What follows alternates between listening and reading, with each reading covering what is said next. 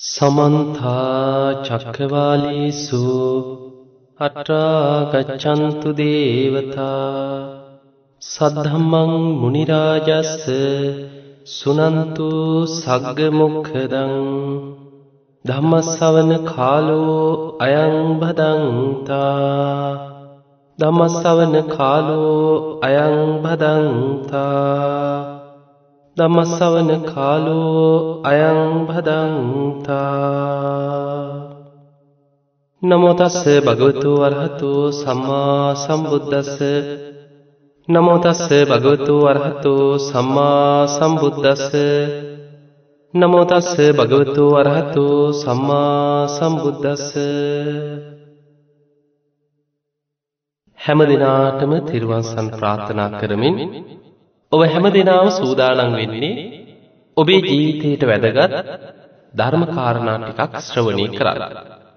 පින්තුනි මේ බුද්ධ ශාසනය තුල වැඩ සිටිය ශ්‍රාවක ශ්‍රාවිකාවන්ගේ චරිත අපි බොහෝ වෙලාවට අපේ ජීවිතයට ගලප ගන්න උත්සාහ කරනවා. ඒ වගේමයි බුදුරජාණන් වහන්සේ භික්ෂූන් වහන්සේලාට අවවාද අනුශාසනා කරනවා භික්ෂූන් වහන්සේ නමක් නම් මහණෙනි පැවිදි වෙච්ච කෙනෙක් සාරිපුත්ත මොග්ගල්ලාන වගේ වෙන්න උත්සාහ කරන්න. සාරිපුත්ත මහරහත්තන් වහන්සේගේ ජීවිතයේ තිබ්බ ගුණධර්ම මුගලන් මහරහත්තන් වහන්සේ තුළ තිබ්බේ ගුණධර්ම තමන්ගේ ජීවිතවලට ගලපගෙන මම ඒ වගේ පැවිදි ජීවිතේ දියුණු කරගන්නවා කියලා උත්සාහ කරා. ඒ වගේම පැවිදි වෙච්ච භික්ෂුණියක් නම් මම කේමා උප්පලවන්නා වගේ වෙනවා කියලා තමන්ගේ ජීවිතය තුළ එවැනි භික්ෂුණීන් වහන්සේලා තුළ තිබ්බ මහා ගුණධර්මවලින් ටික ටික හරි තමන්ගේ ජීවිතයේ දියුණු කරගෙන අන්නේ වැනි ශ්‍රාවිකාවන් ආදර්ශයට අරගෙන ජීවත් වෙන්න කියලා. ඊළඟට උපාසක උපාසිකාවන්ටත් බුදුරජාණන් වහන්සේ නොයෙක් චරිත ගැන පෙන්නනවා. ඒ අතර උපාසකවරුන්ට බුදුරජාණන් වහන්සේ පෙන්නනවා මම චිත්ත ගෘහපති වගේ කෙනෙක් වෙනවා. හත්තාලෝක පුත්ත සිටුතුමා වගේ කෙනෙක් වෙනවා කියලා තමන්ගේ ජීවිතය තුළ මේ සිටුවරුන් විදිහ. දැන් ඒ අය සිටුවරු විතරක් නෙමෙයි. බුදුරජාණන් වහන්සේගේ ධර්මය තුළ පිහිටලා ගිහි ජීවිතයක් තුළ කෙනෙකුට ලබන්න පුළුවන් ඉහළම මාර්ග ඵල දක්වා.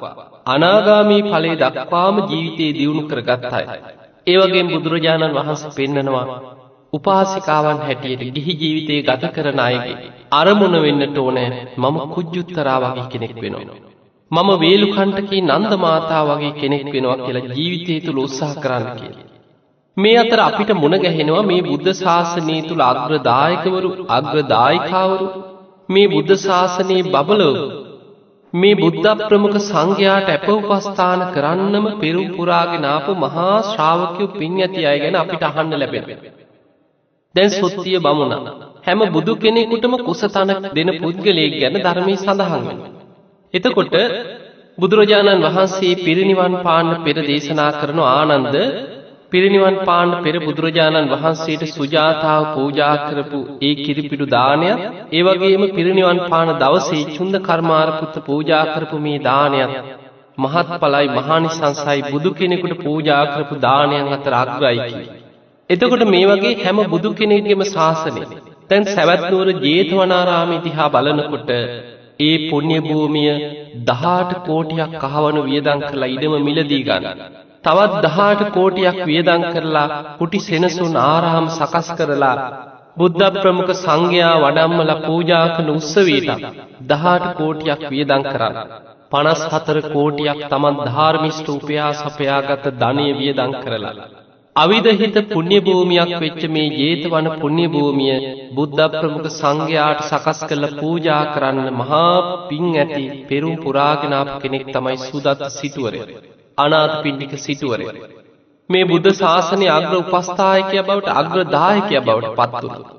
බුදු කෙනෙක්ගේ ජීවිතයේ බුදුරජාණන් වහන්සේ වැඩිම කාලයක් වැඩඉන්නේ සැවැත්නුවර ජේත වනාරාමි මුල් කරගෙන. වස්කාල දහනමයක් සැවැත්නුවර ජේත වනාරාමි බුදුරජාණන් වහන්සේ වැඩ සිටිය. ඒ වගේමයි විසාකාව කරලා පූජා කරපු පූර්වාරාම නම් වූ කාම්බර දාහකින් යුක්ත මේ දෙමහල් ආරාමි මේ ප්‍රාසාදි බුද්ධ ප්‍රමුඛ සංඝයාට පූජා කරපු මේ ආරාමයේ තුල බුදුරජාණන් වහන්සේ වස්කාල 6ක් වැඩ හිටියේ. බුදුරජාණන් වහන්සේගේ ජීවිතයේ අවුරුදු 25ක්ම මේ සවැත් නුවර ආශ්‍රය කරගෙන තමයි බුදුරජාණන් වහන්සේ වැඩ සිටිමින් බොහෝ දිනාට හිතසුව පිණිස විශාල ධර්ම ප්‍රචාරයක් කරා. ඒ නිසා සැවැත්නුවර හිටපු කෝටි හතක් තරම් ජනතාවගේ කෝටි පහකට ආසන්න පිරිසක් මාර්ග පලලාබීන් බවට පත් වනා කියල ධර්මී සඳහන් වෙනවා.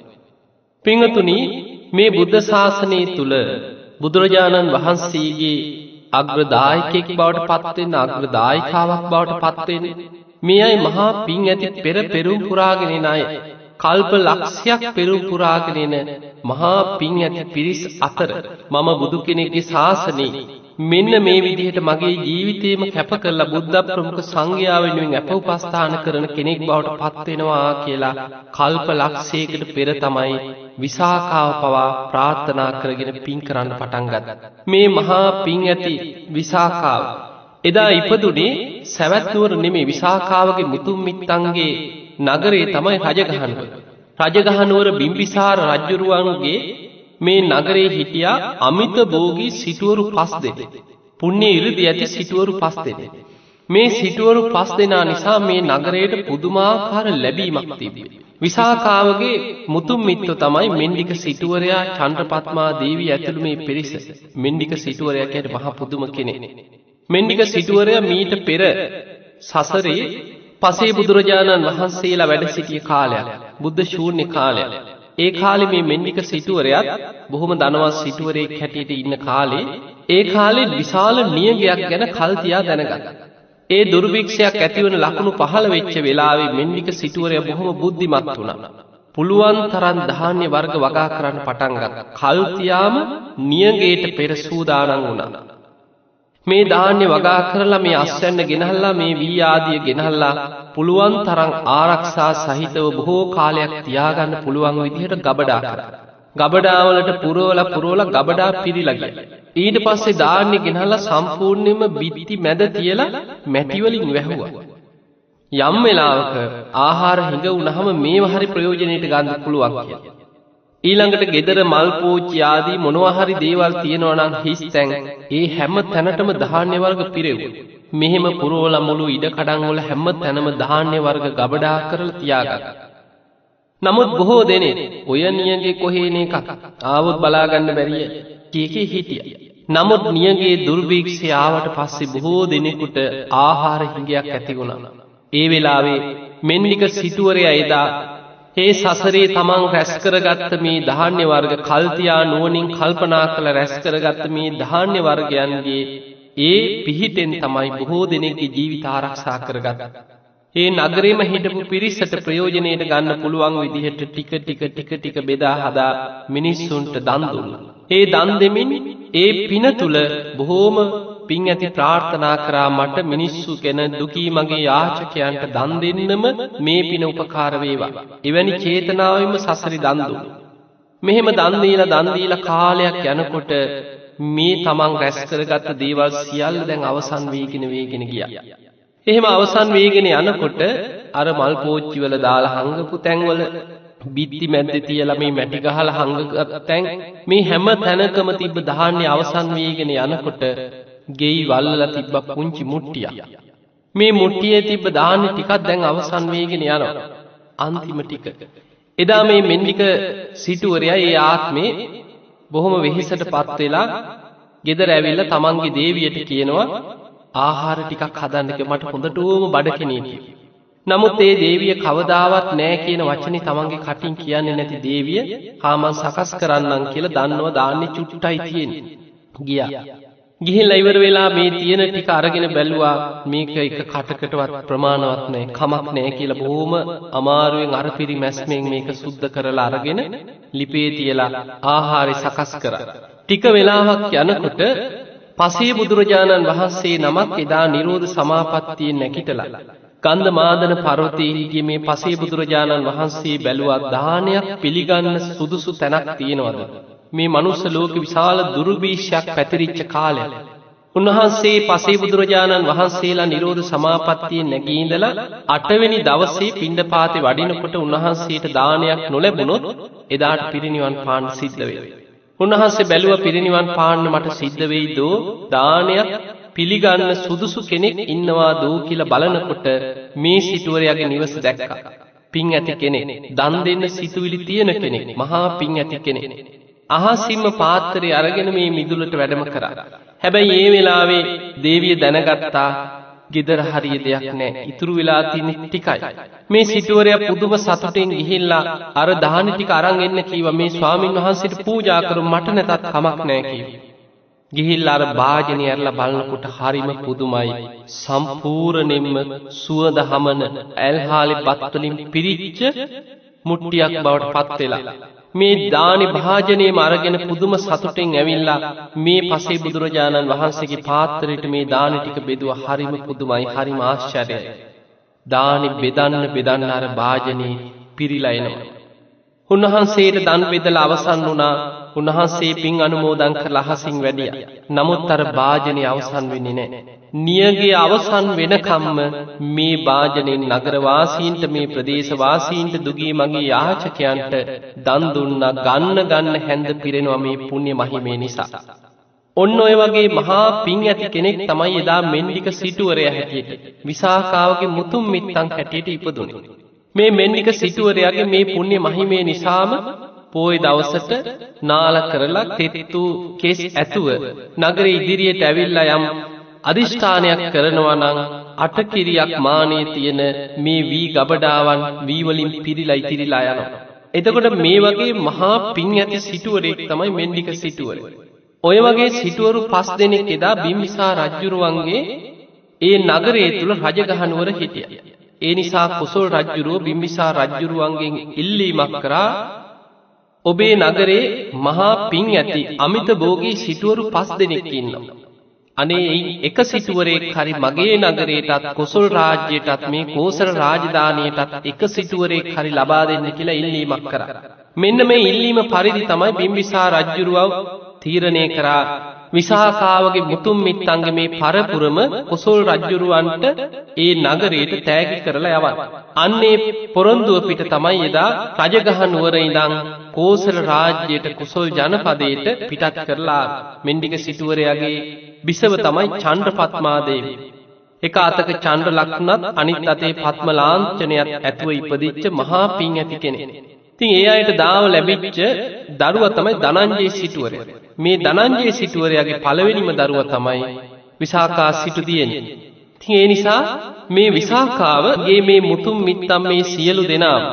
එදා රජගහනුවර ඉඳං පෙරහැරකින් තමයි කෝසල රාජධානයට පිටත් වෙලා තමන්ගේ මුතුම් මිත්තම් පෙළපති අය ඥාතීන් ඒ වගේ මහා පිරිසක් සමග පෙරහැරකින් මේ නගරයට පැමිණෙනකොට එදා දහවල් කාලෙ සාකේත නුවර තමයි ආහාර ගණ නතරවු. ඒ ආහාර ගණ නතර වෙච්ච නගරේ මේ අය කල්පනා කරා සැවැත් නුවරට යොදුන් හතක් තියෙනවා මේ සාකේත නුවර. දිව ආහාරය අරගෙන ටිකක් නතර වෙලා කල්පනා කරා ඉතින් සැවැත් නුවර මෙතනට ළඟයි. මෙතනත් කොසල් රජුරුවන්ගේම නගරේ කොටසක්. අපි සියලු දෙනා මෙතන නගරයක් හදාගමු කියලා එදා විසාකාවගේ මේ ඥාති මුතුම් මිත්ත ඔක්කොම සාකේත නුවර තමයි නගරයක් හදාගෙන අර පිරිස සියලු දෙනා මේ කොසල් රජ්ජුරුවන්ගේ අවසරේ පරිදි ඒ නගරේ නතර වුණා. මේ විසාකාව සෝවාන් වුණේ රජගහනුවර. ඔබ දන්නවා බුදුරජාණන් වහන්සේ බුද්ධත්වයට පත් වෙලා එදා රජගහනුවර බිම්බිසාර රජ්ජුරුවන්ට වෙච්ච පොරොන්දුවක් ඉෂ්ට කරලා බුදුරජාණන් වහන්සේ රජගහනුවරට වැඩම කරේ දාහක් සඟ පිරිස පිරිවරාගෙන උරුවෙල් කාශ්‍යප නදී කාශ්‍යප ගයා කාශ්‍යප ඇතුළු දාහක් දෙන. ඒ වගේම සාරිපුත්ත මොග්ගල්ලාන භික්‍ෂූන් වහන්සේලා සමඟ දෙසිය පණහක් පිරිස. එද්දාස් දෙසිය පණහක් පිරිස එදා රජගහනුවර වැඩහිටිය. මේ එදදාස් දෙසිය පණහක් පිරිස මෙන්ඩික සිටුවරයාගේ මේ රජගහනුවර මේ ප්‍රදේශයට වඩම්මන්න. එදා රජගහනුවර ඉන්නකොට මෙන්ඩික සිටුවරයා පෙරහැරක් සංවිධානය කළ තමන්ගේ නගරයට වඩම්මල දානයක් සූදානන් කර. මේ බුද්ධ ප්‍රමුඛ එද්දාස් දෙසිය පණහක් සඟ පිරිස පිළිගන්න සකස් කරපු පෙරහැරේ. මල් කල අරගෙන හිටපු මේ පොඩි දරුවන් අතර විසාකාවට එදා අවුරුදු හතයි. එදා ඒ පෙරහැර ඉදිරියෙන් ගිය කෙනෙක් තමයි විසාකාව. එදා බුදුරජාණන් වහන්සේට මෙන්ඩික සිටුවර ඇතුළ මේ පිරිස දන් පැන් පූජා කරලා අවසානි බුදුරජාණන් වහන්සේ දහම් දෙස්වා දේශනාව අවසන් වෙනකොට බොහෝ පිරිසක් ධර්මාවබෝධය ලැබවා ඒ අතර අවුරුදු හතක් වය සැති විසාකාව උතුම් සෝවාන් පලයට පත් වුණ. එතකොට විසාකාව තමන්ගේ මුතුන් මිත්තම් මෙන්නික සිටුවරයා චන්ද්‍රපත්මා දේවිය ධනංජේ සිටුවරයා විසාකාවගේ මෑණිය තමයි සුමනා දේවිය. එතකොට මේ සියලු දෙනා එක්ක තමන්ගේ මුතුන් මිත්තන් ඥාතීන් සමග සාකේත නුවර තමයි නතර වෙලා කල් ගත කරේ. ඉතින් විසාකාව මෙහෙම තරුණ වයසට එනකොට එදා සාකේත නුවර අසලින් ගලාගෙන ගියා මේ අචිරවතී නදිය.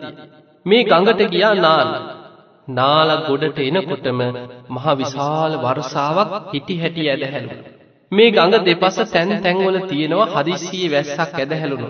නොතෙමි ඉන්න තමන්ට රෙදි මාරු කරගන්න මේ වගේ පොඩි අම්බලං වගේ හදලා තියෙන. විසාකාවගේ ඉහෙලියන් ටික අර වහිනකොට වතුරෙන් ගොඩට ඇවිල්ලා රෙදිත් අරගෙන දුවගෙන ගිහිල්ලා අර අම්බලමකට ගියා නොතෙමි විසාකාව ඒ වෙලාවේ වතුරෙන් ගොඩට ඇවිල්ලා මොන තරම් වැස්සත් තමන්ගේ ඇඳුම් තෙමුණත් දුවගෙන ගියේ නෑ. බොහෝම සංවර ගමනකින් තමයි අම්බලම ළඟට ගියේ. ඒ අනකොට සැවැත් නුවර මිගාර සිටුවරයාගේ නියෝජිත වෙච්ච බ්‍රාහ්මණවරු අට දෙනෙක්. මිගාර සිටුවරයාගේ පුත්‍රයා වෙච්ච පූර්ණවර්ධන කුමාරයාට සුදුසු දියණියක් හොයන්න හිතාගෙන ඇවිදගෙන යනවා නගරේ තැන් තැන්වල සුදුසු කෙනෙක් හොයනවා. මෙහෙම යනකොට මේ අයත් අර වැස්සට අර අම්බලමට අම්බලමට ඇවිල්ලා මේ බ්‍රාහ්මණවරු අට දෙනා ඉන්නකොට මේ අය දකිනවා නොතෙමි ඉන්න මේ අම්බලමට දුවගෙන ආවට අනිත් තරුණ කාන්තාවෝ මේ විසාකාව බොහොම ලස්සන කෙනෙක්. කිසිම කලබලයක් නැතුව. තමන්ගේ ඇඳුම් තෙමුණත් රෙදි තෙමුණත් බොහෝම සංවර ගමනකින් අම්බලමට ආවා. මේ අට දෙනාම මූණෙන් මූණ බලාගෙන විසාකාවගේ මේ සංවර ගමන ගැන කල්පනා කළ බැලුවා අංග ලක්ෂණ දිහා බලනකොට පංච කල්යාණීම පිහිටලා තියෙන. ඒ වෙලේ කතා කර. කතා කරලා ඇහුවා ඇයි දියණිය මේ මහ වර්ෂාවක් ඇදහැලිද්දී. ඔබේ යාළුව දුවගෙන ඇවිල්ලා මේ අම්බලමට ආවත් ඇයි ඔබ බොහොම සංවරව මේ හිමින් ආවේ ඇයි කියලා ඇහුව තෙමි තෙමි. එතකොට විසාකාව කියනවා මගේ දෙමව්පියෝ මාව කෙනෙකුට විවාහ කරලා පිටත් කරන්න තියෙන කෙනෙක්. ඒ නිසා මම වගේ කෙනෙක් දුවගෙන ගිහිල්ලා ඇදගෙන වැටුණොත් තුවාල වුණොත් යම් අනතුරක් වුණොත් මගේ දෙමව්පියන්ට තමයි දුක. කාන්තාවක් දුවන එක සුදුසු නෑ. ඒක අසංවරයි. මගේ මේ රෙදි ටික මට වේලගන්න පුළුවන්. නමුත් ඒ අසංවරකම නිසා මම දුවන්නේ නෑ කිව්වා. ඒක සුදුසු නෑ කිව්වා. මං අන්නේ නිසා තමයි කිව්ව තෙමුණත් කමක් නෑ කියලා මේ හිමින් අන්නේ කරුණ ටික අහගත්ත මේ සිටුවරු අට දෙනා මූණෙන් මූණ බලලා මේ අය කතා වුණා මෙන්න මේ කෙනා නම් සුදුසුයි අපේ මිගාර සිටුවරයාගේ පුත්‍රයා වෙච්ච පූර්ණවර්ධන කුමාරයාට මේ දියණිය සුදුසුයි. ඉතින් තමන්ගේ දෙමව්පියෝ කවුද පෙළපත් කොහොමද මේ විස්තර ගැනත් දැනගත්ත බ්‍රාහ්මණවරු අට දෙනා ඒ වෙලාවෙම විසාකාවගේ කරට මල් මාලාවක් දැම්මා. ඒකට කියන්නේ ධාරක පරිත්‍රාජය. මේ ධාරක පරිප්‍රාජය කියන මේ මල් මාලාව දැම්මට පස්සේ ඔන්න කියා හිටිය දියණිය අපි මේ වගේ පිරිසක් අපි මිගාර සිටුවරයට මේ කුමාරිකාවක් හොයන්න යන්නේ ඔබ මේකට ගැලපෙනවා කියලා මල් මාලාව දාලා සම්මත කරාට පස්සේ විසාකාව පණවිඩයක් ඇරිය රථයක් එවන්න කියලා රථයකින් තමයි අර පිරිසත් එක්කම තමන්ගේ නිවසට ගියේ. ගියාට පස්සේ මේ අය ඇවිල්ලා විසාකාවගේ මුතුන් මිත්තෝ ඒ දෙමව්පියන් මුණ ගැහිලා කතා බහ කරලා දැන් ඔන්න විවාහයට සියලු කටයුතු සූදානම් කරගත්තා. දින තීරණය කරගෙන දැන් මිගාර සිටුවරයා ඇතුළු මේ සියලු දෙනාත් ඒ වගේම කුසල් රජ්ජුරුව මැති ඇමතිවරු මේ සියලු දෙනාත් විවාහයට මාස 4කට පෙර තමයි සාකේත නුවරට ගියේ. දැන් සාකේත නුවරට ගියාට පස්සේ ධනංජය සිටුවරයා විසාකාවගේ පියාණන් මේ කුස රජ්ජුරුවන්ට අමාත්‍යවරුන්ට සියලු දෙනාට පහසුකන් සලස්සමින් මාස හතරක් පුරාවටම දැම් මේ තාම විවාහි වෙන්නේ නෑ. දැන් රජ්ජුරුව බැලුව බැලුව කල් යනවා යනවා දැන් මාස හතරක් ගෙවිලා ගියා තාම මේ විවාහයට දිනයක් නෑ. ඒ වෙලේ කුසල් රජ්ජුරුව කියනවා අපිට ගොඩක් වැඩ කටයුතු තියෙනවා අපේ රාජ්‍ය තියෙනවා අපිට මෙහෙම කල් ගත කරන්න බෑ. ඒ වෙලාවේ ධනංජී සිටුවරයා කල්පනා කර අපේ දියණිය විවාහ වෙන දවසේ කාටවත් නැති විශාල ආභරණයක් හදලා දෑවැද්දට දෙන්න ඕන කියලා. අන්නේ ආභරණි හදන්න තමයි මාස හතරක කාලයක් ගත වුණේ. මේ මහලතා ප්‍රසාදනී කියන මේ ආභරණේ අපි කියන්නේ මේල පළඳනාව කියලා. මෙන්න මේ පළඳනාව නව කෝටියක් වටින මේ පළඳනාව සකස් කරන්න මාස හතරක කාලයක් ගත වුණා. පිංගතුනි විසාකාවට ඇත්තු පස් දෙනෙකුගේ කාය ශක්තියක් ඇති කෙනෙක් කියලා සඳහන් වෙනවා. පෙර සසරේ කල්ප ලක්ෂයක් පුරා පාරමී පුරාගෙන ආපු දම් පිංකම් කරමින් ආපු කෙනෙක්. ඒ ප්‍රාර්ථනා මහිමේ නිසා ඒ පුණ්‍ය ශක්තිය නිසා ඇත්තු පස් දෙනෙකුගේ කාය ශක්තියක් ඇතුව ඉපදිච්ච කෙනෙක් තමයි විසාකා. එවැනි කාය ශක්තියක් ඇති කෙනෙකුට තමයි මේ පළඳනාව පළඳින්න පුළුවන්. දැන් ඔබට හිතෙන්න පුළුවන් මේල පළඳනා කිව්වම මේක මේ කරට දාගන්න එකක්ද අතේ දාගන්න එකක්ද එක්ක කනේ ඉල්ල ගන්න එකක්ද මේක නිකන් මුද්දක් වගේ එකක්ද චේන් එකක්ද? පින්වතුනි ඉන වටේට පැලඳ ගන්න ආභරණය. සම්පූර්ණයෙන්ම ඉන වටේට පැළඳගත්තට පස්සේ තමන්ගේ මේ විලුඹ දක්වාම සම්පූර්ණයෙන්ම පැතිරලා යන ආකාරය. රත්තරණින් මැණික්කල් වලින් නිර්මාණය කරපු සම්පූර්ණ ආභරණයක් තමයි මේල පළඳනා. මේ පළඳනාව බොහොම බරයි. රන් රිදී මුතු මැණික් වලින් පිරිච්ච ආභරණයක්. මේ පළඳනාව උස්සලා පැළඳ ගන්නත් ලොකු කාය ශක්තියක් තියෙන කෙනෙක් වෙන්නට ඕන. මේ වටිනා පළඳනාව සකස් කරලා එදා විවාහ ගිවිස ගැනීම සියල්ල සිදු කරා. බොහොම ලස්සනට විවාහ උත්සවේ රාජකීය විවාහයක් හැටියටම කොසොල් රජ්ජුරුවන් මැති ඇමතිවරු මේ සිටුවරු සියලු දෙනා එකතු වෙලා සාකේත නුවර විවාහය සිද්ධ වෙලා විසාකාව පෙරහැරෙන් එදා මිගාර සිටුවරයාගේ නිවසට වඩම්මගෙන පැමිණිය. දැන් මෙහෙම අරගෙන එන දවසේ විසාකාවට දෑවැද්දට එළුවන් ඒ වගේම ඇත්තු අස්වයන් ආදී ගව මහේශාක්‍ය නුයේක් විශාල පිරිසක් දෑවැද්දට දුන්නා. ඒ විතරක් මේ විසාකාව එන වෙලාවේ කිරි එල දෙන්නු හැට දාහක් දෙනා ගවගාලෙන් පැනල විසාකාව පස්සෙන් දුවගෙනාව කියන. එතකොට මේ වගේ මහා විශාල පිරිසක් එක්ක තමයි විසාකාව එන කටයුතු සිද්ධ වූ. එදා දැන් මිගාර සිටුවරයාගේ නිවසට ආපු වෙලාවේ හැබැයි මිගාර සිටුවරයා කියන්නේ තෙරුවන් සරණ ගිය කෙනෙක් නෙමෙයි. නිගණ්ඨ නාත පුත්ත අදහාගෙන හිටපු නිගණ්ඨ ශ්‍රාවක පිරිසක්. මේ විවාහය වෙන්න පෙර මේ කරුණු තීරණය කරන වෙලාවෙත් විසාකාව තමන්ගේ පියාණන් ධනංජය සිටුවරයා ඇතුළු පිරිස ඒ වෙනකොටත් ඒ අය සෝවාන් වෙච්ච අය. මේ අය ගිහිල්ලා බුදුරජාණන් වහන්සේට වන්දනා කරලා බුදුරජාණන් වහන්සේට මතක් කර සිටියා ස්වාමීනී භාග්‍යතුන් වහන්සේ අපි තෙරුවන් සරණ ගිය ශ්‍රාවකයෝ. අපි ධර්මාවබෝධයේ පිණිස කටයුතු කරන ශ්‍රාවකයෝ. අපිට තුනුරුවන්ගෙන් ඇර ජීවිතයක් නැහැ. ස්වාමීනී භාග්‍යතුන් වහන්සේ මේ අපේ දියණිය විසාකාවට සවැත් නුවර මිගාර සිටුවරයාගේ පුට්‍රත්නය මේ විදිහට විවාහ යෝජනාවක් ඇවිල්ලා තියෙනවා හැබැයි ඒ අය නිකන්ට ශ්‍රාවකයන්ව අදහාගෙන ඉන්න මිත්‍යාදෘෂ්ටික පිරිසක්. මේ විවාහය කරන්නද නැද්ද කියලා බුදුරජාණන් වහන්සේගෙන් කරුණු විමසුවා. ඒ වෙලේ බුදුරජාණන් වහන්සේ අනාගතයේ දිහා දකිනවා දැකලා බුදුරජාණන් වහන්සේ වදාළ විසාකා බොහෝම පින් ඇති කෙනෙක්. ඒ අයටත් යහපතක් වෙනවා. ඒ නිසා මේ විවාහය ඒ කටයුතු තීරණය කරගත් ආකාරයටම සිදු කරන්න කියලා බුදුරජාණන් වහන්සේ අවසර ලබා විසාකා විවාහ වෙලා මිගාර සිටුවරයාගේ නිවසට පැමිණියා. ඒ ආපු වෙලාවේ මිගාර සිටුවරයාගේ නිවසේ පසුවදා දානයක් සූදානම් කරලා තිබුණා. ඉතින් ඒ අයත් පිළිගන්න නිගණ්ඨයන්ව මේ රහතන් වහන්සේලා කියලා. දැන් විවාහ වෙලා ආපු දවසේ දියණියට කියනවා දියණිය විසාකාව හෙට දවසේ අපි දානයක් දෙනවා.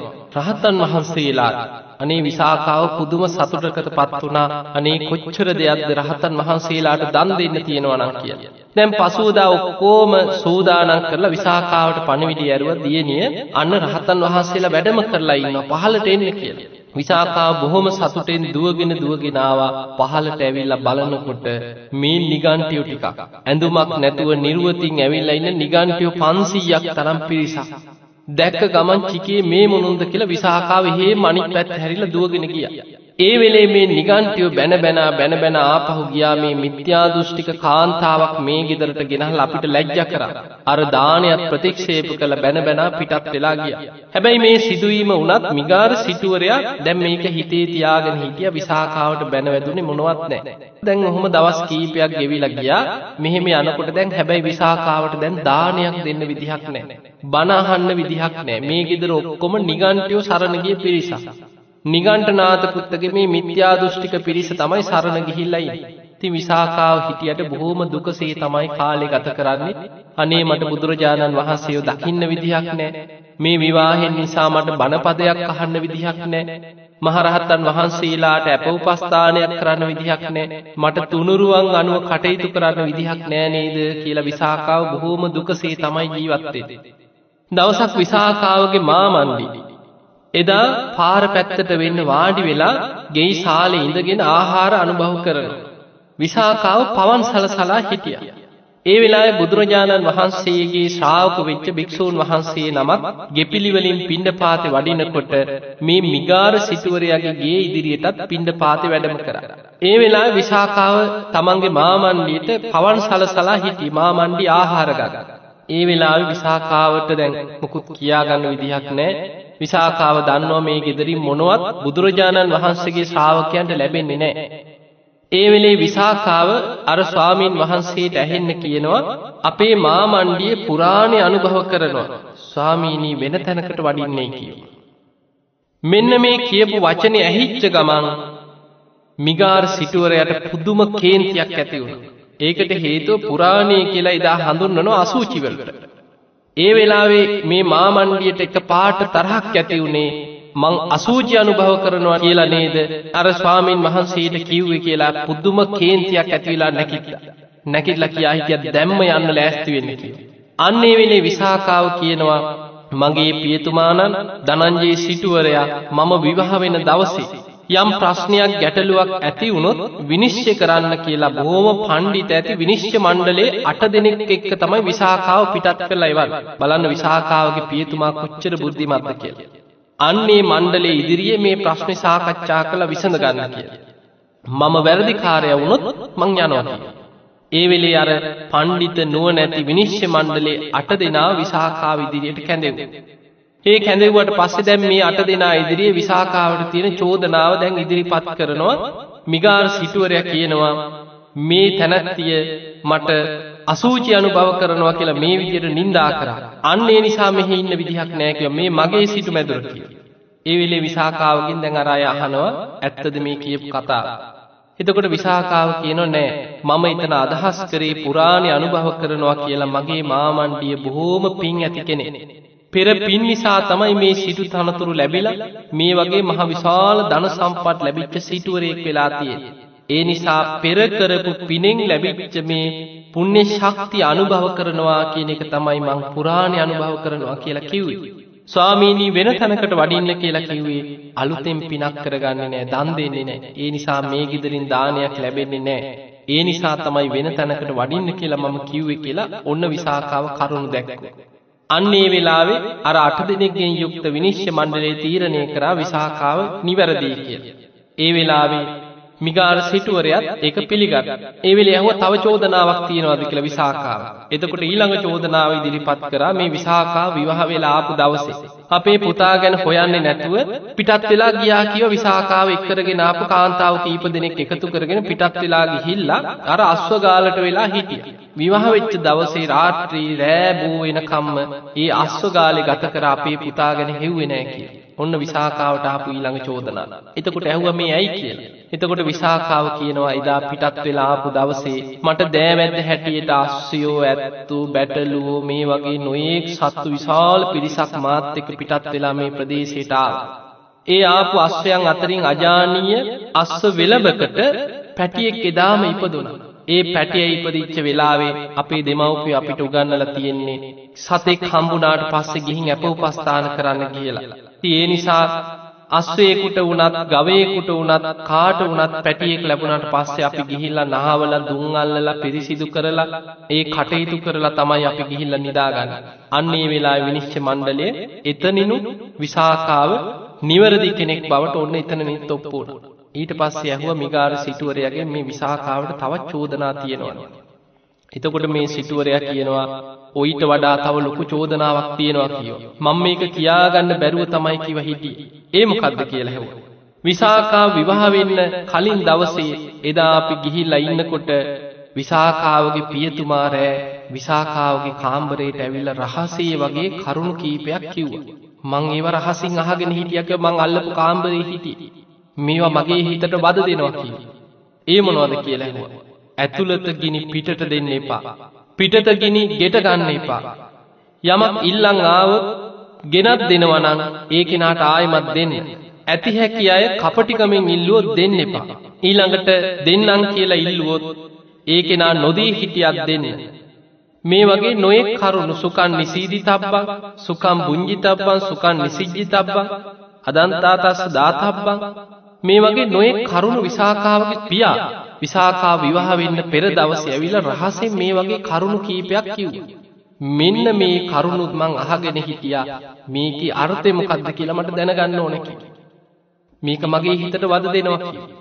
අන්න ඒ වෙලාවේ විසාකාව එකින් එක එකින් එක පැහැදිලි කරා මම විවාහ වෙන දවසේ මගේ පියා තෙරුවන් සරණ ගිය කෙනෙක් බුදුරජාණන් වහන්සේව සරණ ගිය කෙනෙක්. ඒ නිසා මගේ පියා ඇවිල්ලා මට කියා හිටියේ ඇතුළත ගිනි පිටට දෙන්න එපා කියලා කියා හිටියේ මේ පවුලේ ඇතිවෙන ආරව්.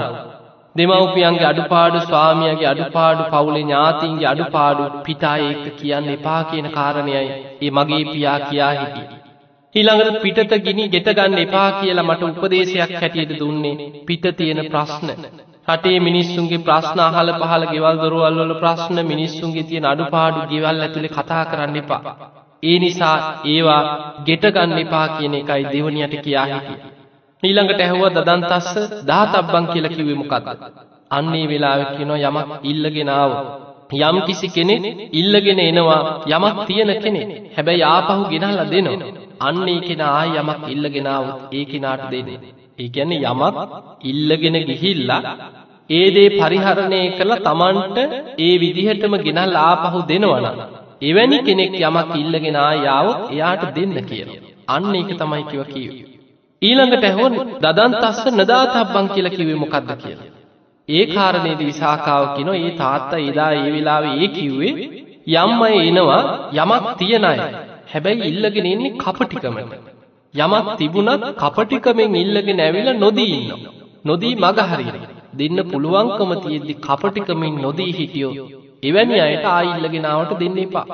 අන්න ඒ කාරණේ තමයි කිව්ව ඒ කිව්වේ. ඊළඟට මොකද්ද කිව්වේ? දදන්තස්සාපි අදන්තස්සාපි දා තබ්බන් කියලා කිව්වේ මොකද්ද කියලා ඒ වෙලාවේ විසාකාව කියනවා ඒ කිව්වේ දුන්නත් නොදුන්නත් ඒ අයට දෙන්න කියලා කිව්වේ ඊටාම අසරණ අය එනවා. සමහරු ඉන්නවා ඒ අය ඉතින් ඇවිල්ලා දෙන්නම් කියලා ඉල්ලනවා. අපි ගෙනත් දෙන්නම් මෙහෙමයි කියලා ඉල්ලනවා. හැබැයි එහෙම ඉල්ලුවට ඒ අය දුප්පත් අසරණයි. අන්න ඒ අය දුන්නත් නොදුන්නත් ඒ අයට පින් සලකාගෙන දෙන්නේ. ඒ අසරණකම සලකාගෙන දන් දෙන්නේ. අන්න ඒකයි කිව්වේ ඒ කිව්වේ. ඊළඟට ඇහුවා සුකන් නිසීදි තබ්බන් කියලා කිව්වේ.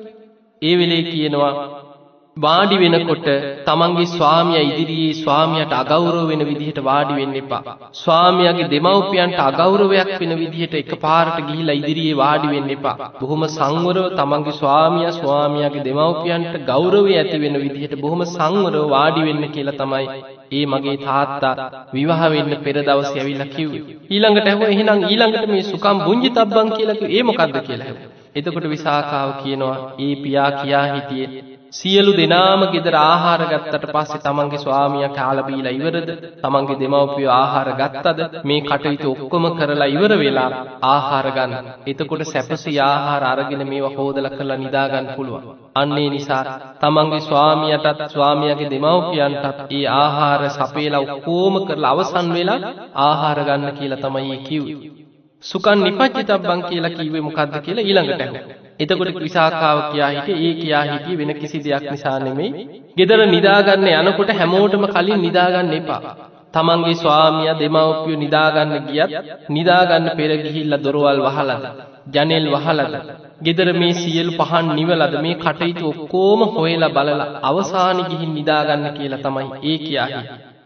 ඊළඟට මොකද්ද කිව්වේ කියලා හෙව්වා. එතන කියන්නේ තමන්ගේ ස්වාමියටත් ස්වාමියාගේ දෙමව්පියන්ටත් දේවතාවුන් ලෙස සලකන. ඊළඟට ගින්දරක් ඇසුරු කරනවා වගේ ඇසුරු කරන්න කිය මොකද්ද කියලා හෙව්වා. එතකොට කියනවා නෑ තමන්ගේ ස්වාමියාවයි ස්වාමියාගේ දෙමව්පියන්වයි ඇසුරු කරනකොට ඒ අයගේ හිත රිද්දවන්න නැතුව ඒ අය ඒක ඇසුරු කරනකොට බොහෝම ගෞරවයෙන් ප්‍රවේශමින් ගින්දරක් ඇසුරු කරනවා වගේ බොහොම ප්‍රවේශමින් ඒ අය ඇසුරු කරන්න කියලා තමයි කිය උපදෙස් දුන්නේ. දැන් ওই විදිහට මේ කරුණු අටටම විසාකාව පිළිතුරු දුන්නා. අර අහපු ප්‍රශ්න සියල්ලම විසාකාවගේ හිටපු අර නුවණැති විනිශ්චය මණ්ඩලයේ විසින් විසඳලා ඔක්කොම කරලා විසාකාව නිවැරදි කෙනෙක් බවට පත් කරා. ඊට පස්සේ අර විනිශ්චය මණ්ඩලය ඇහුවා තවත් චෝදනා තියෙනවා නෑ කියලා. දැන් මේ චෝදනා සියල්ලෙන් විසාකාව නිවැරදි කෙනෙක් බවට පත් වුණා විතරයි විසාකාව කියා හිටියා. එහෙමනම් දැන් මාත් එක්ක ආපු සියලු දෙනා ලෑස්ති වෙන්න කිව යන්න. දැම් මට මේ ගෙදර හිටියට මට දානයක් දී ගන්න විදිහක් නෑ මට තුනුරුවන් වඳන්න විදිහක් නෑ මට බනක් අහන්න විදිහක් නෑ මේ මිත්‍යා දෘෂ්ටික ගෙදර ඒ නිසා යං යන්න කියලා දැන් කට්ටියට ලෑස්ති වෙන්නේ. එහෙම කියනකොටම විසාකාවගේ මාමන්දී විසාකාවට කියන අනේ දුවේ යන්න එපා. මම වැරැද්ද පිළිගන්නවා. අද ඉඳම් මේ නිවස තමන්ට පුළුවන් විදිහට තමන්ගේ තැනක් කියලා හිතාගෙන දන් දෙන්න කියව. ඒ වෙලාවෙ දැන් විසාකාවට ඔන්න මිගාර සිටු මැදුර තමන්ට රිසිසේ පින් දහම් කරගෙන ඉන්න විවෘත්ත වෙච්ච වෙලා. විසාකාව ඒ වෙලාවෙ කියා හිටිය හරි මං එහෙමනම් හෙට දවසේ බුද්ධ ප්‍රමුඛ පන්සීයකට මේ නිවසි දානයක් දෙනවා කිය. ඔන්න පසුවදාම බුද්ධ ප්‍රමුඛ පන්සීයක් රහතන් වහන්සේලාට දානයට ආරාධනා කරා මිගාර සිටු මැද. බුදුරජාණන් වහන්සේ ආරාධනාව පිළිගන්න. මේක නිගන්ටයන්ටත් ආරංචි වුණා. නිගන්ටයෝ මිගාර සිටුවරයට කතා කරලා පණවිඩයක් කිව්වා දැන් කරන්න දෙයක් නෑ ඔයි දාන ඒ විදිහට දීපුදේ. හැබැයි මිගාර සිටුවරයට පණවිඩයක් කියනවා ඔබ ශ්‍රමණ බවත් ගෞතමයන්ගේ ඉස්සරහට නං යන්න එපා කිව. බුදුරජාණන් වහන්සේ ළඟ ආවර්තනී කියලා මායාවක් තියෙන. තමන් ඉස්සරහට යන අය වශී කරගන්න. ඒ නිසා කඩතුරාවකින් හැංගිලා ඉන්න කියව. දානි දෙන වෙලාවෙ ගේ ඇතුළේ හැංගිලා බලන්න කෙලින් විස්සරහට යන්න එපාකිව. මේක විශ්වාස කරපු මිගාර සිටුවරයා දැම් බුද්ධ ප්‍රමුඛ සංඝයා නිවසට වැඩියත් කඩතුරාවකි මුවා වෙලා හැංගිලා තමයි වාඩි වෙලා හිටි. මූුණ දෙන්න ඉස්සරහටාවෙන. විසාකාව දන් පැන්දීලා පුරුද්දක් තියෙන කෙනා. බුද්ධ ප්‍රමුඛ සංඝයාට පුදුම විදිහට සද්ධාවෙන් දන් පැන්දීලා මේ විදිහට දානමාන පූජා කරලා අවසන් වනාට පස්සේ එදා ඒ වෙලාවෙ දැම්මේ මිත්‍යා දෘෂ්ටික ගෙදරකට බුදුරජාණන් වහන්සේ වඩින වෙලා. මුළු නගරේම මිනිස්සු දන්නවා මේ අය නිගන්ට ශ්‍රාවකයෝ කිය. ඒ නිසා මේ කටකතාවටත් එදා විශාල පිරිසක් මේ සිටු මැදුරට එකතු වෙලා හිටිය. බුදුරජාණන් වහන්සේ ඇතුළු පන්සීයක් දෙනා දානෙ වළඳල අවසන් වනාට පස්සේ බුදුරජාණන් වහන්සේ දහම් දෙසවා. එදා බණහගෙන හිටපු පිරිස අතර මේ සිටුවරය මිගාර සිටුවරය කඩතුරාවකි මුවා වෙලා හැංගිලා තමයි වාඩි වෙලා බණහැ. හැබැයි කඩතුරාවේ මුවා වෙලා හැංගිලා බණැහුවත් ධර්ම දේශනාව අහල අවසන් වෙනකොටම අවිද්‍යාව නැමති කඩතිර හිතෙන් මිදිලගහිල්ලා උතුම් සෝවාන් පලයට පත්වනා මිගාර සිටුවරය. එදා බණහගෙන හිටපු බොහෝ දෙනෙක් උතුම් ධර්මය අවබෝධ කරගත්. ධර්මය අවබෝධ වෙනකොටම මිගාර සිටුවරයට පුදුමාකාර සතුටක් තුනුරුවන් ගැන පුදුම ගෞරවයක් ඇතිවුණා අර කඩතුරාවෙන් එලියට දුවගෙන ඇවිල්ලා විසාකාව අල්ලල බදාගෙන කෑගහල කියන්න ගත්තා මේ මගේ අම්ම කියෝ. අන්නේ තුළ තමයි මිගාර මාතා කියන නම එදායිනත් තමයි විසාකාවට පටබැඳෙන්ට පටන්ගත්තේ එදා ඉදම් මේ නිවසේ බුද්ධ ප්‍රමුඛ සංඝයාට දිනපතා දන්දුන්න. විසාකාවගේ නිවසේ දිනපතා භික්‍ෂූන් වහන්සේලා දෙදාහකට ආසන පනවල තිබ්බ කිය. මහ විශාල සිටු මැදුරක වෙනම කොටසක් වෙන් කරන. භික්‍ෂූන් වහන්සේලා දෙදාහකට දිනපතා ආසන පනවනවා දිනපතා භික්‍ෂූන් වහන්සේලා බොහෝ පිරිසක් දානයට වැඩම කරන. මේ විදියට විසාකාව බොහෝම සද්ධාවෙන් බොහෝ කාලයක් තිස්සේ දන්දුළු.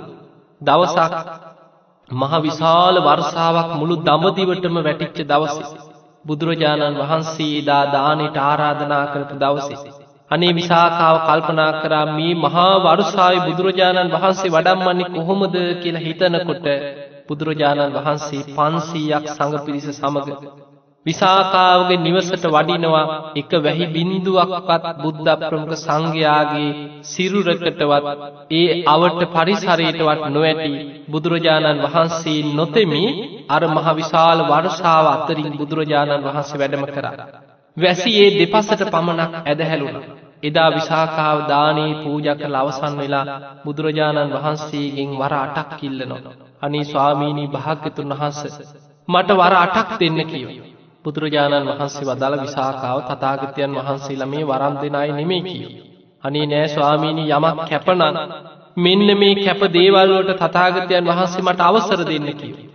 ඒ වෙලේ විසාකාව කියනව ස්වාමීණී භාක්‍යතුන් වහන්ස මගේ ඉල්ලී මට තමයි කීවා මේ සැවැත්නුවරට වඩින ආගන්තුක ස්වාමීන් වහන්සේලාට උන්වහන්සේලාට පිණ්ඩ පාතය යායුතු මාර්ග මොනවද කියලා සැවැත්නුවරට වැඩම කරපු ගමන් මේ පාරවල් ගැන දැනගන්න අවස්ථාවක් නෑ. ඒ නිසා ආගන්තුක වැඩම කරන භික්‍ෂූන් වහන්සේලාට මේ සැවැත්නුවර පිණ්ඩ පාති ආයුතු නොයායුතු මාර්ග ගැන දැනුමක් ඇතිවන තාක් කල් ආගන්තුක භික්‍ෂූන් වහන්සේලාට දන් දෙන්න ආගන්තුක දානය මට ලබා දෙන්න කීම.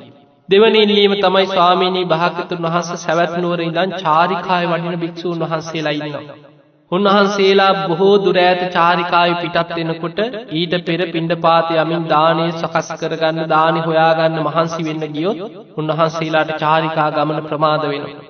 අන්නේ නිසා චාරිකාය වඩින්න සූදානං වෙච්ච ගමික භික්‍ෂූන් වහන්සේලාට ගමික දානී පූජා කරන්න මට අවසරෝන කියෝ. විසාකාවගේ ඊළඟ ඉල්ලීම තමයි ස්වාමීණී භාග්‍යතුන් වහන්සේ හැඳදානී කානිසංස දහයක් දේශනා කරලා තියෙනවා. ඒ නිසා මේ සැවැත්නුවර වාසී යම්තාක් භික්‍ෂූන් වහන්සේලා ඇද්ද ඒ සියලු දෙනාටම දිනපතා කැඳදානි පූජා කරගන්න මට අවසරෝනැකිව. ඊළඟට විසාකාව කියනො ස්වාමීණී භාග්‍යතුන් වහන්ස.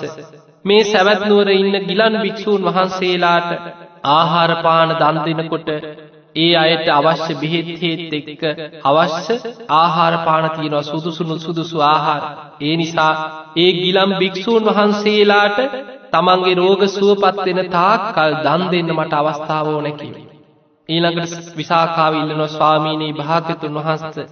මේ ගිලම් භික්‍ෂූන් වහන්සේලාට අවශ්‍ය බෙහෙත් හේත් ආදිය උන්වහන්සේලා සුවපත්වෙන තාක්කල් පූජා කරන්න මට අවසරෝනැකිව. ඒ විතරක් නෙමේ ගිලම් භික්‍ෂූන් වහන්සේලාට උපස්ථාන කරන භික්‍ෂූන් වහන්සේලා ඉන්නවා. ඒ උපස්ථායක ස්වාමීන් වහන්සේලාට පිණ්ඩ පාති කරගන්න ගියොත් අර ගිලම් භික්‍ෂූන්ට ඇප උපස්ථාන කරන්න තියෙන කටයුතු මගහැරෙන. ඒ නිසා ගිලම් භික්‍ෂූන්ට ඇප උපස්ථාන කරන ස්වාමීන් වහන්සේලාටත් දානය දෙන්න මට අවස්ථාවෝ නැකිව. ඒ විතරක්න මේ ස්වාමීණී භාගතුන් වහස මේ සැවැත්නුවර වාසී සියලූම ස්වාමීන් වහන්සේලාට දියසාටක පූජා කරන්න නානකට පූජා කරන්න මට අවසරයෝ නැකිව. ඒ විතරක් නෙවේ සැවැත්තුවර වාසී සියලූම භික්‍ෂුණීන් වහන්සේලාට දියසල් පූජා කරන්න මට අවසරයෝ නැකිව. ඔන්න ඉල්ලී මට විසාකාවිල්ලවා. ඒ තමයි ආගන්තුක ස්වාමීන් වහන්සේලාට ආගන්තුක දානය දෙන්න සැවැත්නුවරට වඩින් සැවැත්නුවරින් පිටත වැඩම කරන භික්‍ෂූන් වහන්සේලාට ගමික දානේදාට පූජා කරන්නත් සැවැත්නුවර වාසී සියලූම සංඝයාට කැඳදානය දිනපතා කැඳදානී පූජා කරන්නත් සැවැත්නුවර ඉන්න ගිලම් භික්‍ෂූන් වහන්සේලාට දන් දෙන්න. ගිලම් භික්‍ෂූන් වහන්සේලාට බෙහෙත් හේත් පූජා කරන්න. ගිලම් භික්‍ෂූන්ට ඇපෝබස්ථානකට භික්‍ෂූන් වහන්සේලාට දන් දෙන්න. ඒවගේම සියලුම සැවැත්තුවර වාසී භික්‍ෂූන් වහන්සේලාට දිය සලු දිය සාටක පූජා කරන්න. සැවැත්නුවර වාසී භික්‍ෂුණීන් වහන්සේලාට දිය සලු පූජා කරන්නත් අවසරඉල්ලු. බුදුරජාණන් වහන්සේ අහනෝ විසාකාව. මේ කරුණු අටට අවසර ඉල්ලන්නේ කුමනානිසංසයක් මොනවගේ ප්‍රාර්ථනයක් හිතේ තියාගෙන දැව ඔය අවසරට ඉල්ලන්න. අන්නේ වෙලා විසාකාව කියනවා අනේ ස්වාමීණී භාග්‍යතුන් වහන්ස මට තියෙන එකම පැතුමයි කියවා. මගේ මේ සිව් පසේ ලබන භික්‍ෂූන් වහන්සේලා ආවිෂයෙන් වැඩිත්වා වර්ණයෙන් වැඩිත්වා සැපයෙන් වැඩිත්වා බලයෙන් වැඩිත්වා ඥානයෙන් වැඩිත්වා සීල සමාධි ප්‍රඥාවෙන් වැඩෙත්වා ධ්‍යානයෙන් සමාධීන් සමාපත්තියෙන් වැඩෙත්වා. සෝවාන් සකදාගාමි අනාගාමි අරහත් යන මාර්ග පල ලබාගෙන උතුම් අමාමහ නිවනටම පත්තේවා කියෙන ප්‍රාර්ථනයෙන් තමයිකව මම මේ ඉල්ලී මට ඉල්ලන්න. ස්වාමීනී මේ සැවැත්නුවරට වැඩම කරන භික්‍ෂූන් වහන්සේලා අතරින් තතාගතයන් වහන්සේ මුණගැහෙන්නගේ අවස්ථාවල් වල දම්සභා මණ්ඩපේදි මං අහලා තියෙනවා ආගන්තුකෝ වැඩම කරන භික්‍ෂූන් වහන්සේලා බුදුරජාණන් වහන්සේ ඉදිරියේ දේශනා කරන අසවල් අසවල් ස්වාමීන් වහන්සේලා අපවත් වනා පිරිනිවන් පෑවා කිය. එතකොට ඒ ඒ ස්වාමීන් වහන්සේ අපවත් වනා කොහෙද ඉපදුනේ කියල බුදුරජාණන් වහන්සේගෙන් විස්තර අහනකොට බුදුරජාණන් වහන්සේ දේශනා කරනවා මහනෙන ඒ භික්‍ෂූන් වහන්සේලා කෙලෙස් සහිත අපවත් වනා නෙමේ කෙලෙසුන්ගේ මිදිල පිරිනිවන් පෑවා කිය. අන්න එතකොට මම ඒ භික්‍ෂූන් වහන්සේලාගෙන් ගිහින් අහනවා ඒ පිරිනිවන් පාප ස්වාමීන් වහන්සේලා මේ සැවැත්නුවරට එහෙම වැඩලා තියෙනවද. එතකොට ඒ අයි කියනවා විසාකාව ඒ පිරිනිවන් පාප ස්වාමීන් වහන්සේලා මේ සැවැත්නුවරට එක වතාවක් දෙවතාවක් නෙමේ කීප වතාවක්ම වැඩම කර පය කියලා. ස්වාමිනි එතකොට මට අප්‍රමාණ සතුටක් ඇතිවෙනවා අනේ එහෙමනංගේ ස්වාමීන් වහන්සේලා සැවැත් නුවරදී මගේ ආගන්තුක දානය වලදල ඇති. මගේ ගමිකදානයක් හරි වලඳල ඇති. එක්කො මගේ කැනදානය හරි වලඳල ඇති. එක්කො ගිලන්දානයක් හරි උපස්ථාන කරන ඒ බෙහෙද්දානයක් හරි වලඳල ඇති. එක්කො මගේ දිය සාටකයක් හරි පිළි අරගෙන ඇති කියලා මට හිතනකොට මට අප්‍රමාණ සතුටක් ඇති වෙනවා. ස්වාමීනි ඒ විදිහට සිහි කරනකොට මගේ හිතේ සමාධිය ඇති වෙනවා සද්ධාදී ගුණධර්ම ඇති වෙනවා මට උතුම් නිවන් අවබෝධය උදෙසාමයි කිවා මම මේ ඉල්ලී මට ඉල්ලන්න බුදුරජාණන් වහන්සේ විසාකාවට මේ ඉල්ලී මට අවසරේ ලබා දුන්න පිංහතුනී මේ විසාකාව ගැන තව බොහෝම ලස්සන සිදුවීමක් තියෙනවා ඒ තමයි විසාකාව දිනපතා නිතර නිතර බුදුරජාණන් වහන්සේගෙන් බණහන්න දම්සභා මණ්ඩපේට වෙනවා. දවසක් විසාකාව දම්සභා මණ්ඩපේට බණහන්න ආවේ මගුල් ගෙදරක ගිහිල්ලා එන ගමන් තමන්ගේ නිවසට ගිහිල්ලා මේ ආභරණ ගලවලා එන්න වෙලාවක් නැහැ. එදා සේවිකාව එක්ක හේම ඇඳ පැළඳගත්ත ගමන්ම මේ ආභරණ පැළඳගත්ත ගමන්ම දම්සභා මණ්ඩපේට ආපු වෙලාවේ තමන්ගේ පළඳනාව මේ මහාලතා ප්‍රසාදිනී කියන මේල පළඳනාව ගලවලා දම්සභා මණ්ඩපයට ඇතුල් වෙන්න පෙර තමන්ගේ සේවිකාවක් හිටිය කාලි කියලා දාසිය. මේ සේවිකාවත් බොහෝම ශක්ති සම්පන්න කෙනෙක්. ඒ දාසියට ඒ සේවිකාවට විතරයි මේ මේල පළඳනාව උස්සල තියන්න පුළුවන්. ඒ පළඳනාව දුන්නා මේ කාලි කියන දාසියට බනහල යනකොට මතක් කරලා ගන්නේ කියලා. එදා ධර්මයේ ශ්‍රවණය කළ අවසන් වෙලා සියලු දෙනාම බොහෝම සතුටෙන් නිවසට පිටත් වෙලා ගියා ගියාට පස්සේ තමයි විසාකාවට මතක් වුණේ මේල පළඳනාව අමතක වුණා නේද කියලා. උදේ පාන්දර අර කාලි කියන සේවිකාවට කතා කළා කිව්වා ඔබ යන්න. ගිහින් බලන්න කිව්ව දම්සභා මණ්ඩපයට ඇතුල් වෙන්න තැන තිබ්බ තැන මේ පළඳනාව තියෙනවද කියලා. තියෙනවා නම් අරගෙන එන්න කීවා. එහෙම නැත්නම් ඉල්ලන්න එපා. අනිවාර්යයෙන්ම ආනන්ද හාමුදුරු අරගෙන තියලා ඇති කියලා. ඉතින් මේ සේවිකාව ගිහින් බැලුවා බලනකොට තිබ්බ තැන නෑ ආනන්ද හාමුදුරු අරගෙන තියලා විසාකාවට දෙනවා කියන අදහසෙන් ආරක්ෂාවට අරන් වෙන තැනකින් තියලා. විසාකාව කල්පනා කරා බුදුරජාණන් වහන්සේගේ ධර්ම භාණ්ඩාගාරිකව් ආනන්දයන් වහන්සේ අරන් තිබ්බ දෙයක් සංඝයා අතින් අරගෙන තිබ්බ දෙයක් දැන් ඒක මට සුදුසු නෑ. ඒක පළදින එක මට සුදුසු නෑ. ඒ නිසා මම මේ ආභරණය විකුණලා මම බුද්ධ ප්‍රමුඛ සංඝයා උදෙසා ආරාමයක් කරලා පූජා කරනවා කියලා එදා සිතුවිල්ලක් ඇති කරගත්. එදා විසාකාව මුළු සැවැත් නුවර නගරයේ පුරාම අඬබෙර කරුවන් පිටත් කරා මේ ආභරණේ වෙන්දේසි කරා. විශාල පිරිසක් රැස් වුණා. මේ ආභරණේ නව කෝටියක් වටින ආභරණේ නව කෝටියකට මිල කරලා වෙන්දේසියේ තිබ්බා. බොහෝ දෙනෙක් ඇවිල්ලා ගත්ත මිනිස්සුන්ට වටිනවා. අතට අරගෙන බැලුවට මේක පළඳින්න තරම් කාය ශක්තියක් තියෙන කිසිම කෙනෙක් ඒ පවුල්වල නැහැ. ඒ නිසා කොච්චර වටිනවා වුණත් ඒක පළඳින්න පුළුවන්කමක් නැත්නම් ඒ අයට වැඩක් නැහැ. ඒ නිසා ඇවිල්ල බලලා ගියත් වටිනවා වුණත් කවුරුවත් මේක ගත්තේ නැහැ. අන්තිමට විසාකාව කල්පනා කරා මේකේ වටිනාකම දීලා මමම මේක මිලදී ගන්නවා කියලා නව කෝටියක් කහවණු වලින් තමන්ගෙම පළඳනාව තමන්ම මිලදී ගත්තා.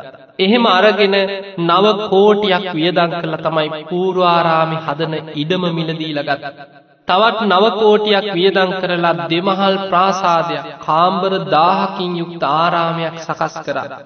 ඒ වගේ මේ හැම කුටියකටම ඇඳං පුටු මේස ඇතිරිලි මේ සියලු දේවල්වල ඒ වගේ මේ ආරාමේ සංඝසතු කළ පූජා කරන උත්සවයේ මේ පින්කම වෙනුවෙන් තවත් නව කෝටියක් වියදම් කරා.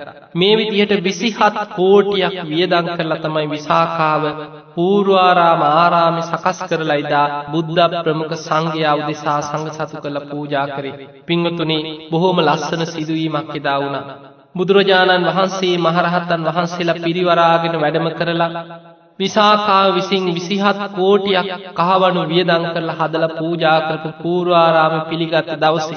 බුදුරජාණන් වහන්සේ බුදුරුව දාහක් මවාගෙන හැම කුටියකම බුදුරජාණන් වහන්සේ බුද්ධාසන මවාගෙන වැඩ සිටිය.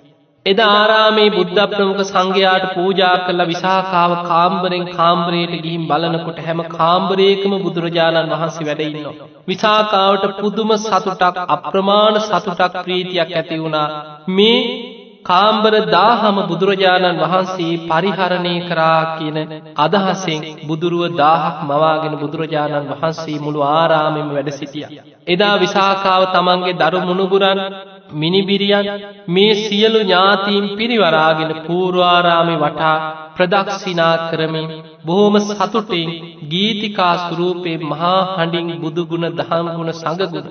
ඒ ගීතිකා අතර තියෙනවා මම සුදුහුණු ආලේප කරපු ආරාමයක් හදලා කවදා පූජා කරන්න දෝ කියන සිතුවිල්ලක් මගේ හිතේ තිබුණා. අදේ සිතුවිල්ල ඉෂ්ට වුණා මම බුද්ධ ප්‍රමුඛ සංඝයාට ආරාමයක් පූජා කරා කියලා පුදුම සතුටෙන් කවිවලට ගීතිකාවලට කිය කියා පූර්වාරාමේ වටේට ප්‍රදක්ෂිනා කර කර වන්දනා කරන්න පටන් ගත්තා. මේක බලාගෙන හිටිය භික්‍ෂූන් වහන්සේලා කීප දෙනෙ. අනේ විසාකාව බොහොම සංවර කෙනෙ. මහහඩින් කතා කරන කෙනෙකුත් නෙමේ. අද මොනුව වෙලාදමි. දරු මුණුබුරන් පොඩි අය පිරිවරාගෙන මේ පූර්වාරාම වටේට මහා හඬින් මේ ගීතිකා කිය කිය වටේ වඳිනවනේද. කියලා මේ අය ගිහිල්ල බුදුරජාණන් වහන්සේට පසුවදා කියනව ස්වාමීණී භාගතුන් වහන්ස. හිය මේ පූරාරාමි පූජා කරපු දවස විසාකාව මෙන්න මේ වගේ හැසිරීමක් දැක්කුවා. ස්වාමිනි විසාකාව බොහොම සංවර කෙනෙක් අපි කවදාවත් දැකල නෑ විසාකාව මාහනින් කතා කරනවා ඒ නිසා විසාකාවට ඊයේ දවසේ චිත්ත විපිලිසර භාවයක්ත් ඇති වුණාදෝ කියල බුදුරජාණන් වහන්සේගෙන් අහන. අන්නේ විලේ බුදුරජාණන් වහන්සේ විසාකාව ගැන කියනවා හාහා මහනෙන විසාකාව ගැන හිම හිතන්න එපා කියව.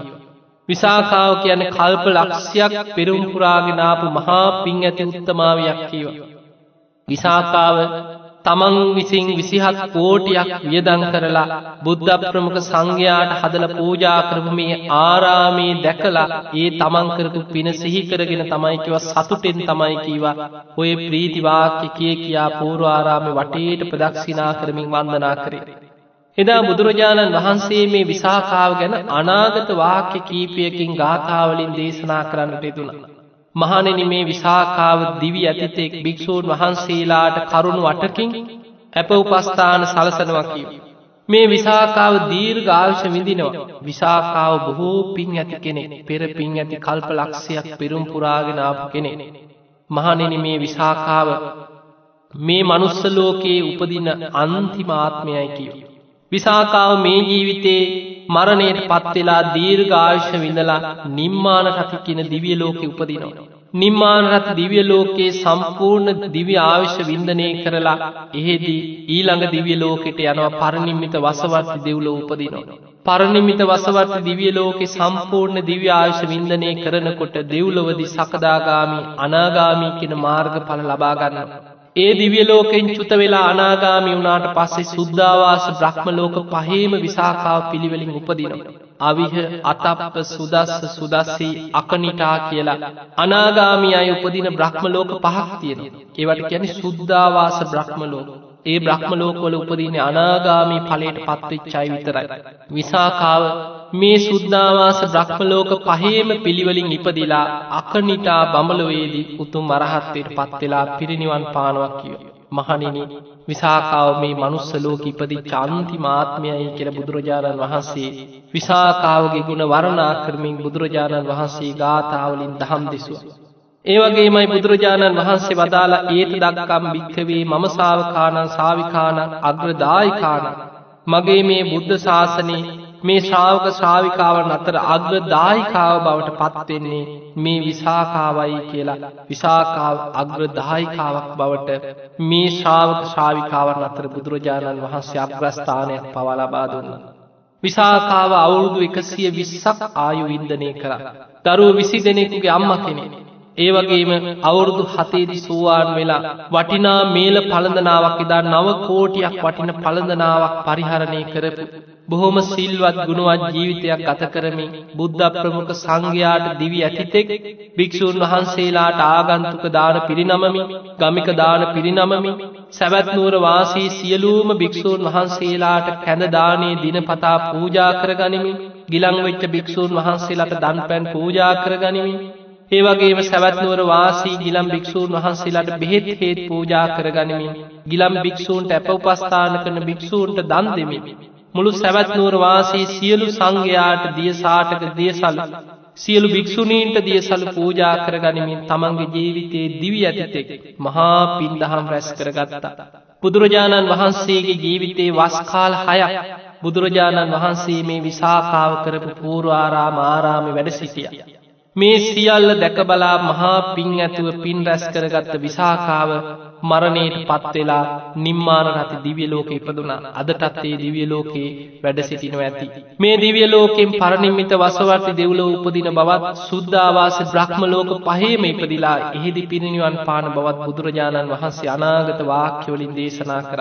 තිඒ නිසා මේ මහා පින් ඇති විසාකාවගේ ජීවිතේ අපි ආදර්ශයට අරගෙන අපි දන්නවා බොහෝ දෙනෙත් දන් පැන්දීල ප්‍රාර්ථනා කරන විසාකා සුමනා සුජාතාවාදී කෙනෙකුට මේ වගේ පින් දහම් කරගන්න ලැබේවා කියල ප්‍රාර්ථනයක් කරන දැන් ඔබ දන්නවා විසාකාවගේ ජීවිතේ මොන්න තරම් පුුණ්‍යවන්ත ජීවිතයක්. විසාකාව මොන තරන් දන් පැන් දෙමින් සංඝයාට බුදුරජාණන් වහන්සේට ඇප උපස්ථාන කරපු කෙනෙක්. ඒ නිසා මේ සියල්ල දැනගත්ත ඔබට අද පටන් විසාකාව ගැන හිතනකොට ඔබේ හිතේ මේ සියලු සිදුවීම් මතු වෙන්නට ඕන. විසාකාවගේ ජීවිතය ගැන තමන්ට නිතර සිහිවෙන්නට ඕන. මමත් එවැනීම ජීවිතයක් ගත කරමින් සීලාදී ගුණධර්ම දියුණු කර ගනිමින් මේ බුද්ධ ශාසනයේ බුද්ධ ප්‍රමුඛ සංඝයාව දෙසා මගේ ශක්ති පමණින් ඇප උපකාර කරමින් මමත් උතුම් ධර්මයම අවබෝධ කරගන්න මහන්සිගන්න කෙනෙක් බවට පත්වෙනවා කියෙන අධිෂ්ඨාන ඔබ හැම දෙනා ඔබේ ජීවිතය තුළ අද මේ පුන් පොහෝ දවස ඇති කරගන්න. එහෙමනං අද මේ උතුන් ධර්මය ශ්‍රවණය කිරීමෙන් ඔබ රැස් කරගත්ත සියලූම පුුණ්‍ය ධර්මයක්. පින් කැමති සියලු දෙවියන්ට අනුමෝදන් කරමු දෙවියෝ මේ පින් දැක බල අනුමෝදන් වෙත්වා දෙවියන්ගේ දෙවියස ඉසුරු වර්ධනය කරගෙන සියලු දෙවියෝ වහවහා සසර දුකින් අතමිදේවා කියල සාදු කියල අපි දෙවියන් පින් අනුමෝදන් කරමු එමනම් පිංහතුනි අද ධර්මශ්‍රවණයෙන් රැස් කරගත්ත සියලු පිනේ ඔබ හැම දෙනා නම මිය පරලෝගේ ඥාති ධර්මශ්‍රවණය කරපු පිංහතුන් නම මිය පරලෝගේ සියලු ඥාතීන්ගේ පරලොව ජීවිත සැපවත්තේවා සුවපත්තේවා වහවහා සසරදුකින් අතමිදේවා කියල සාදු කළ ඥාතීන්ට පින්දෙන් ඒවගේ ඔබ හැම දෙනාටමත් ධර්මශ්‍රවනී කර ලක්වාසී ලෝවාසි ඔබ හැම දෙනාටමත් මේ සියල් පිනෙන් හැම දෙනාම නිදුක්කේවා නිරෝගිවේවා සුවපත්තේවා. හැම දෙනාටමුතුම් වූ ධර්මයම අවබෝධ කරගන්න මේ සියල් පින උපකාරවේවාකින් ප්‍රාත්ථනය ඇති කරගන්න. ඔබ හැම දෙනාටම සියලු දෙවියන්ගේ පිහිට රැකවට සැලසේවා උතුම් වූ ධර්මාබෝධය පිණිසම මේ සියලු පිනත් උපකාරවේවා වේවා වේවාකින් ප්‍රාර්ථනින් ඔබට ආශිර්වාද කරනවා සිතක් සාන්තියක් යහපතක් වේවා කෙනමෙත් සිතින්. ආකා සට්ඨාජබුම් මට්ඨා දේවානාගා මහිද්දිකා පුඤ්ඥන්තන් අනුමෝදිත්වා චිරන්ඩක්කන්තු ලෝක ශාසන. ආකා සට්ඨාජබුම් මට්ඨා දේවානාගා මහිද්දිකා පුඤ්ඥන්තන් අනුමෝදිත්වා චිරන්ඩක්කන්තු දේශන. ආකා සට්ඨාජබුම් මට්ඨා දේවානාගා මහිත්තිකා පුඤ්ඥන්තන් අනුමෝදිත්වා චිරන්ඩක්කන්තු තුවන් සදා. හැම දිනාටම සම්මා සම්බුදු සරණයි.